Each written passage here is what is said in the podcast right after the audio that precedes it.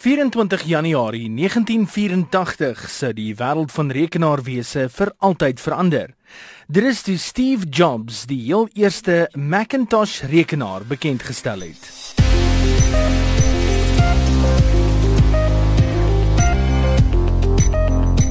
Die roete na die eerste Mac het wel lank voor 1984 begin. Steve Jobs het in 1978 begin werk aan die Apple Lisa, maar in 1982 is hy weens binnengevegte in die Lisa span laat gaan en het hy Jeff Raskin se laagkoste rekenaarprojek, die Macintosh, oorgeneem.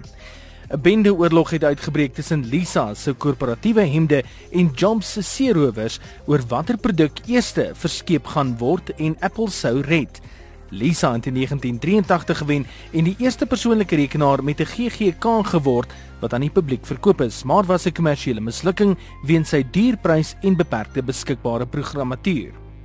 Die eerste Macintosh is in die daaropvolgende jaar vrygestel. Op 24 Januarie 1984 het Apple die Macintosh bekend gestel. Hierdie debuut is aangekondig deur die nou baie bekende 1,5 miljoen dollar televisieadvertensie wat gedurende die Super Bowl op 22 Januarie 1984 vertoon is en beskou word as 'n waterskeidingsgebeurtenis in Apple se sukses en ook 'n meesterstuk. You've just seen some pictures of Macintosh. Now I'd like to show you Macintosh in person. All of the images you are about to see on the large screen will be generated by what's in that bag. Today, for the first time ever, I'd like to let Macintosh speak for itself. Hello, I am Macintosh. It sure is great to get out of that bag. Accustomed as I am to public speaking, I'd like to share with you a action I saw the, the first time I made an IBM mainframe. Steve Jobs tydens die bekendstelling van die Macintosh rekenaar op 24 Januarie 1984. Die Macintosh het aanvanklik goed verkoop, maar opvolgverkope was minder suksesvol weens die hoë prys en beperkte verskeidenheid van programmatuur. Die masjien se lot het wel verander met die bekendstelling van die LaserWriter, die eerste PostScript laserdrukker wat teen 'n bekostigbare prys aangebied is, en PageMaker, 'n vroeë werkskerm publiseringspakket. Die Mac was veral veel vermoënd in hierdie mark weens die gevorderde grafiese moontlikhede wat noodwendig ingebou is om die Macintosh GGK te skep.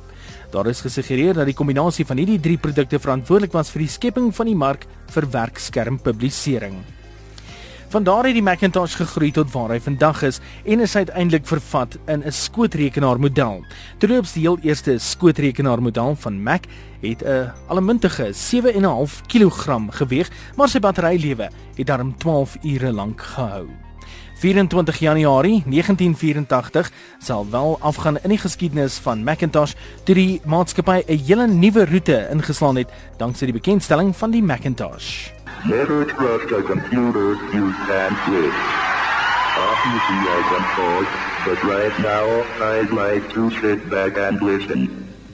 So it is with considerable pride that I introduce a man who's been like a father to me, Steve Jobs.